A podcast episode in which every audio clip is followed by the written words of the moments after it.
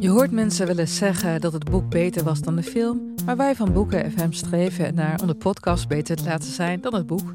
Wij lezen de klassiekers die je nog niet gelezen hebt. We lezen de boeken die je heel graag wil lezen, maar waar je eigenlijk voor schaamt om in het publiek mee gezien te worden. We lezen de Libris-winnaars. Uh, we praten over de Nobelprijslariaten. Allemaal zoals je een etentje hebt dat je moeiteloos mee kan praten en dat het lijkt alsof je helemaal belezen bent. Wij zijn Ellen, Joost en Charlotte van Boeken FM en je kunt ons luisteren in je favoriete podcast-app.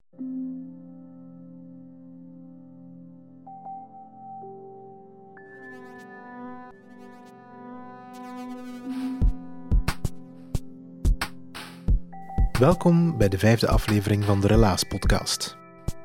In de Relaas vertellen mensen een verhaal dat ze zelf hebben meegemaakt. Deze keer hoor je het verhaal van Rick Merci, een ontzettend enthousiaste jongeman die op een dag met alleen zijn rugzak en zijn duim het avontuur heeft opgezocht. Het verhaal is opgenomen in mei van 2015 in Huzet in Gent.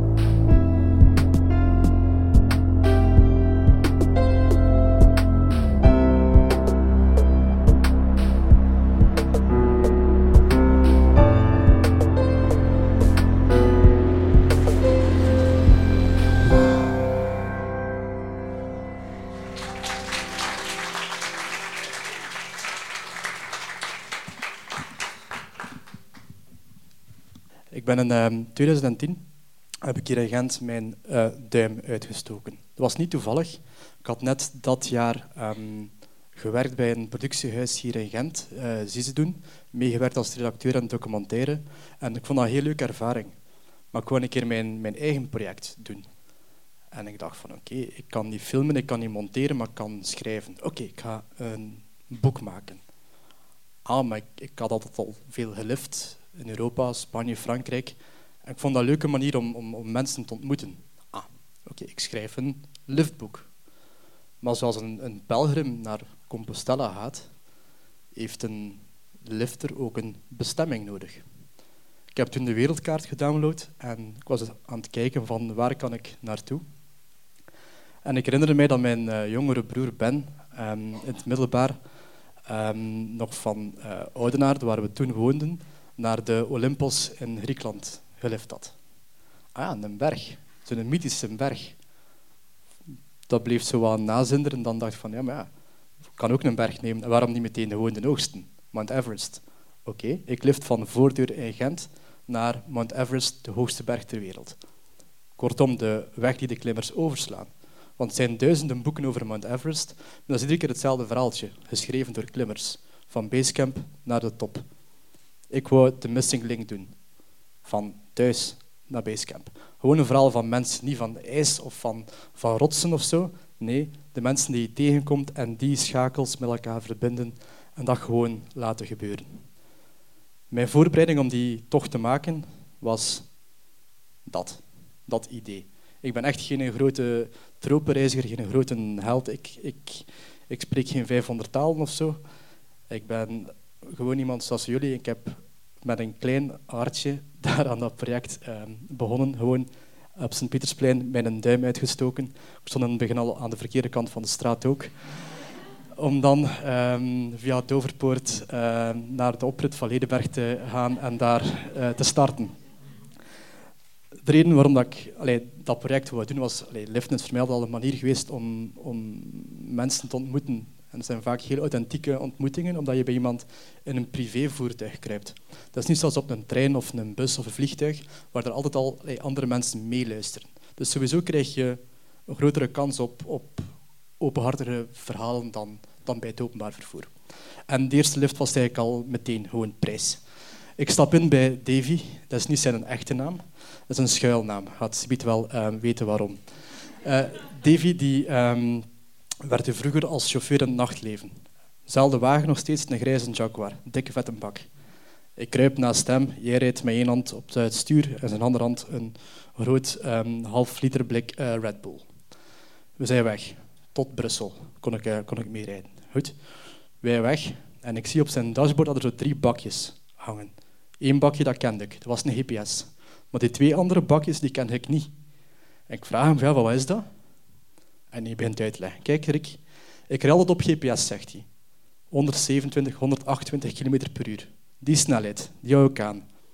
Dat wordt je niet geflitst. Dat is de, de grens. Dus je moet je, je kilometerteller niet vertrouwen, nee, je moet je GPS vertrouwen. En ik rij altijd links.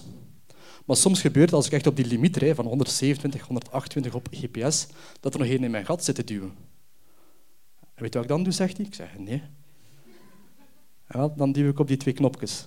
Die twee andere bakjes. Het ene is een blauw zwaailicht en het andere is een sirene. Dus je laat eerst de gast in zijn gat zitten te duwen, laat die passeren, die vliegen weg en dan gaat hij daarachter. En zegt van, het is ongelooflijk hoe snel dat de mensen gewoon braaf terug 120 rijden als ik dat manoeuvre doe. Dus dat is Davy, een beetje de zelfverklaarde Robin Hood van de Belgische snelwegen. Mocht je hem tegenkomen op het traject Gent-Brussel, het is een vriendelijke mens, uh, doe hem mijn groeten. Um, en zo is het eigenlijk continu geweest onderweg. Um, ik heb in 81 voertuigen gezeten. Op vijf dagen liften stond ik in, um, in Istanbul. En op een kleine twee weken stond ik van Gent in Pakistan. Ik had um, een twee maanden uitgetrokken om te liften. Het is op een maand gelukt. Als, allee, de absolute reistijd dan toch. Goed, nog een verhaaltje van onderweg. We zitten in Iran. Ik ben nog maar twee dagen in Iran en ik zit bij Youssef. Hebben net in een truckstation uh, gegeten. Uh, rijst met, met, met kip en zo'n durum. Goed, we stappen in en ik zie Youssef de hasbrander aansteken. Ik vind dat vrij raar. Gaan we nu thee drinken of zo? We hebben toch net thee gehad? Ik versta Youssef langs geen kant. Jij verstaat mij niet. Dus ik zie hem die hasbrander aansteken en jullie zetten daar geen, geen, geen theepot op of zo, maar je legt daar zo'n smal ijzeren staafje in. Wat is dat? En op zijn dashboard pakt hij zo'n papieren pijpje. Gaan we iets snuiven of zo? Of wat gaan we doen? En hij draait dat satéstokje zo om tot het helemaal roodgloeiend is. En uit zijn broekzak haalt hij dan zo'n klein ijzerdraadje met erop een zwart klontertje. Ik dacht van, is dat, is dat hash of zo? En hoe, ga je nu hash roken? Dat doe je toch in je tabak of in een pijpje of zo? En hij neemt dat satéstokje en hij gaat ermee langs dat zwart blokje. En steekt zo een, damp naar boven. En met dat pijpje begint hij die damp naar binnen te trekken. Zijn ogen... Hoe was dat? Dat was geen hash. Die geur van hash ken ik wel. Maar die geur die daar hing in die cabine, was zo gelijk een, op een warme zomeravond een, een mot die zo in een halogeenlamp vliegt en zo verknettert. Zo die bittere geur, met een beetje kandijsuiker. En die geur, ik zei, wat is dat? dat? Die beschrijving had ik ooit gelezen. Ik zei, oh, maar dat is geen hash, dat is opium. Ik zit twee dagen in Iran en ik zit hier bij een pipo die ik niet ken, die mij niet verstaat, ik versta hem niet, en hij zit hier opium te roken. Daar staan gewoon heel strenge allee, celstraffen op. Maar ik dacht van, oké, het is zijn wagen, het is zijn camion, die zal wel weten wat hij doet. Doe maar verder. Zelf ook niet wetende van, gaan we nog straks nog rijden of niet? Ik laat hem doen.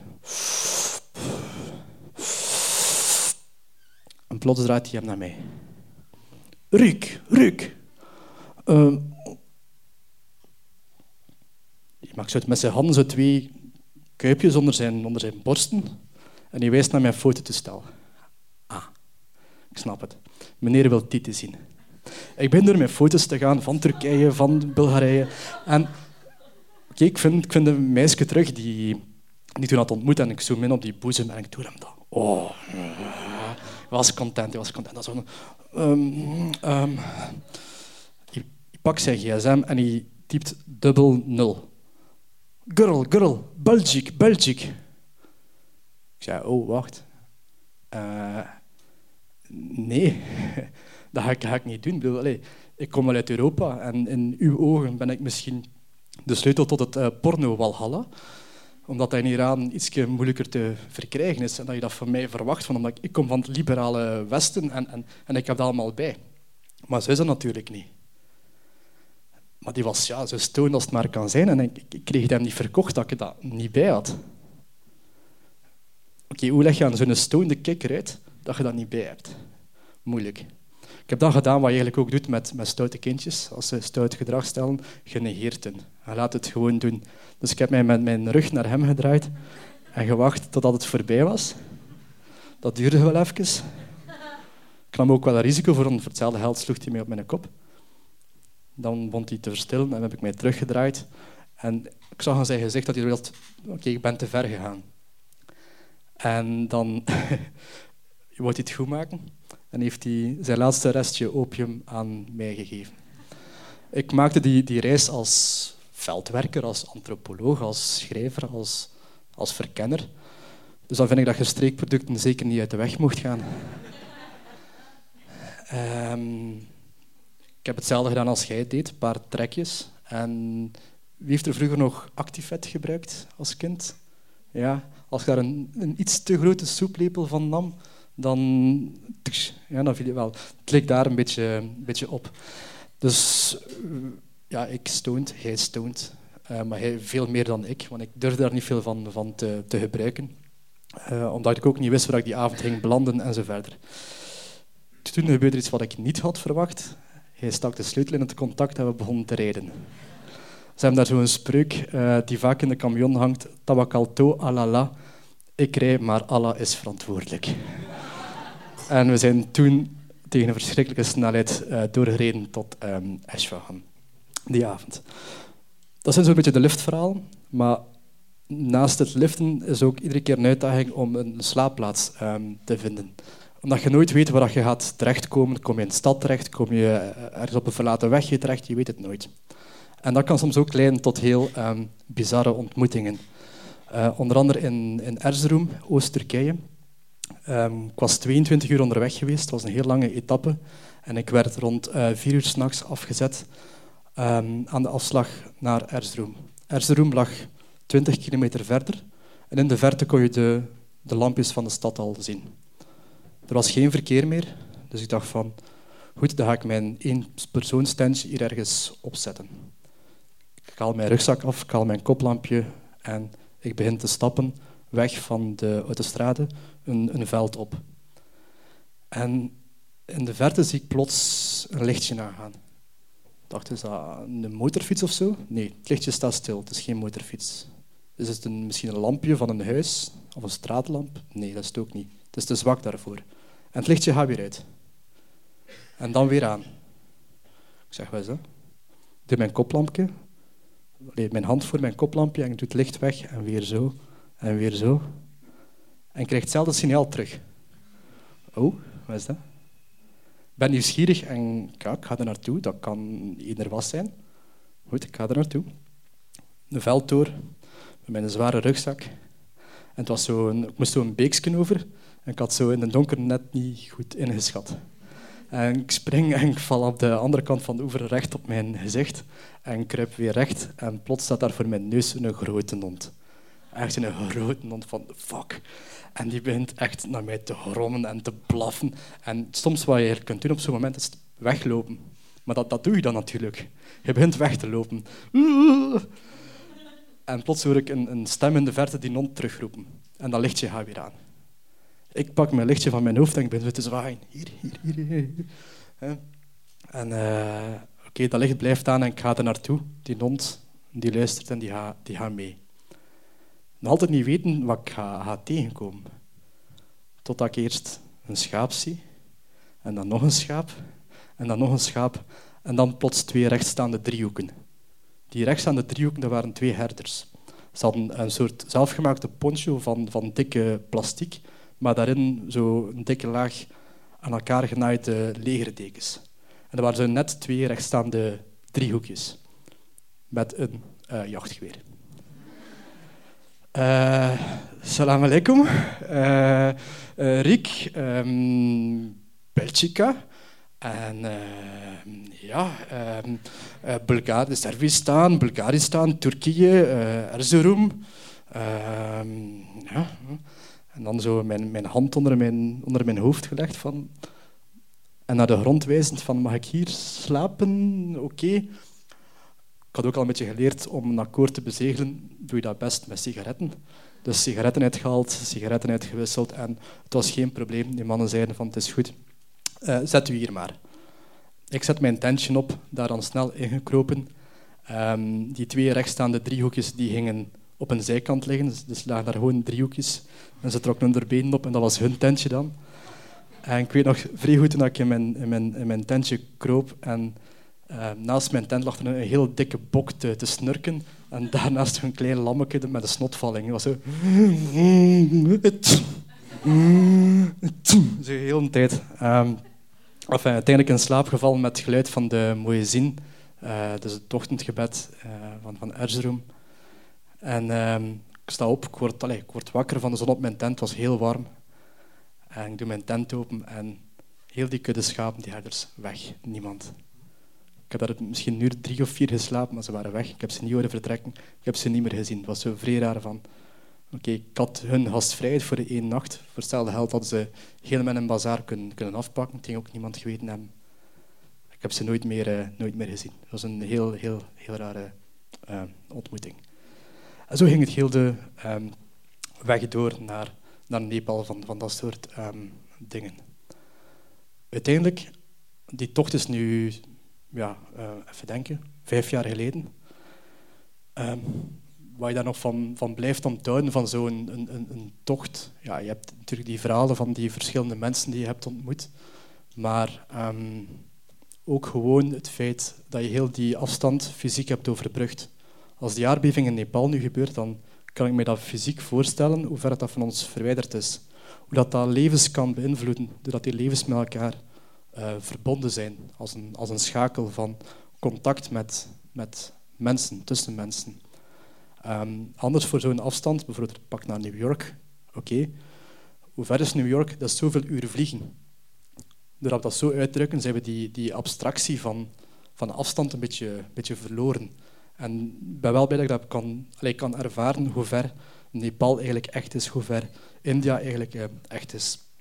En iets dat ik ook onthoud van die tocht, is dat het iedere keer heel speciaal is om daarover te vertellen, om daarover te mogen schrijven, om daarover te mogen getuigen. En veel mensen hebben iets van, oh my, dat is nogal een straf verhaal, of dat is, wauw, zo'n tocht. Ja, ik heb een aantal dingen um, meegemaakt, beleefd, die ik altijd zal um, onthouden en die ook kan lezen in het boekje dat ik straks te koop aanbied tegen een heel goedkope prijs en zo. Um, maar Iets dat, mij een beetje voor de borst stoot, is dat er uh, veel meer mensen zijn die diezelfde tocht in omgekeerde richting maken. Uit Afghanistan bijvoorbeeld. Die die tocht maken illegaal, um, met smokkelaars, uh, zonder papieren, en die er gewoon opwagen. Die worden beschoten door Turkse grenswachten, die worden beschoten in de bergen bij Iran, die worden dagenlang zonder eten en drinken vastgehouden om uiteindelijk hier, als ze geluk hebben, in België belanden. In België worden ze ook geïnterviewd. Er wordt ook naar hun verhaal geluisterd. De eerste keer bij DVZ, Dienst Vreemdelingenzaken, de tweede keer het Commissariaat-Generaal voor de Vluchtelingen. Zij worden niet gehoord op de, op de radio, mogen het niet komen vertellen op tv, mogen het voorlopig ook niet vertellen bij Relaas.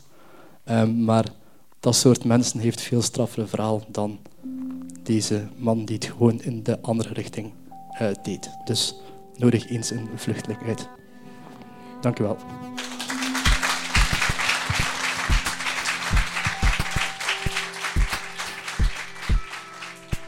Rick Merci heeft ook een boek geschreven over zijn reis naar Tibet.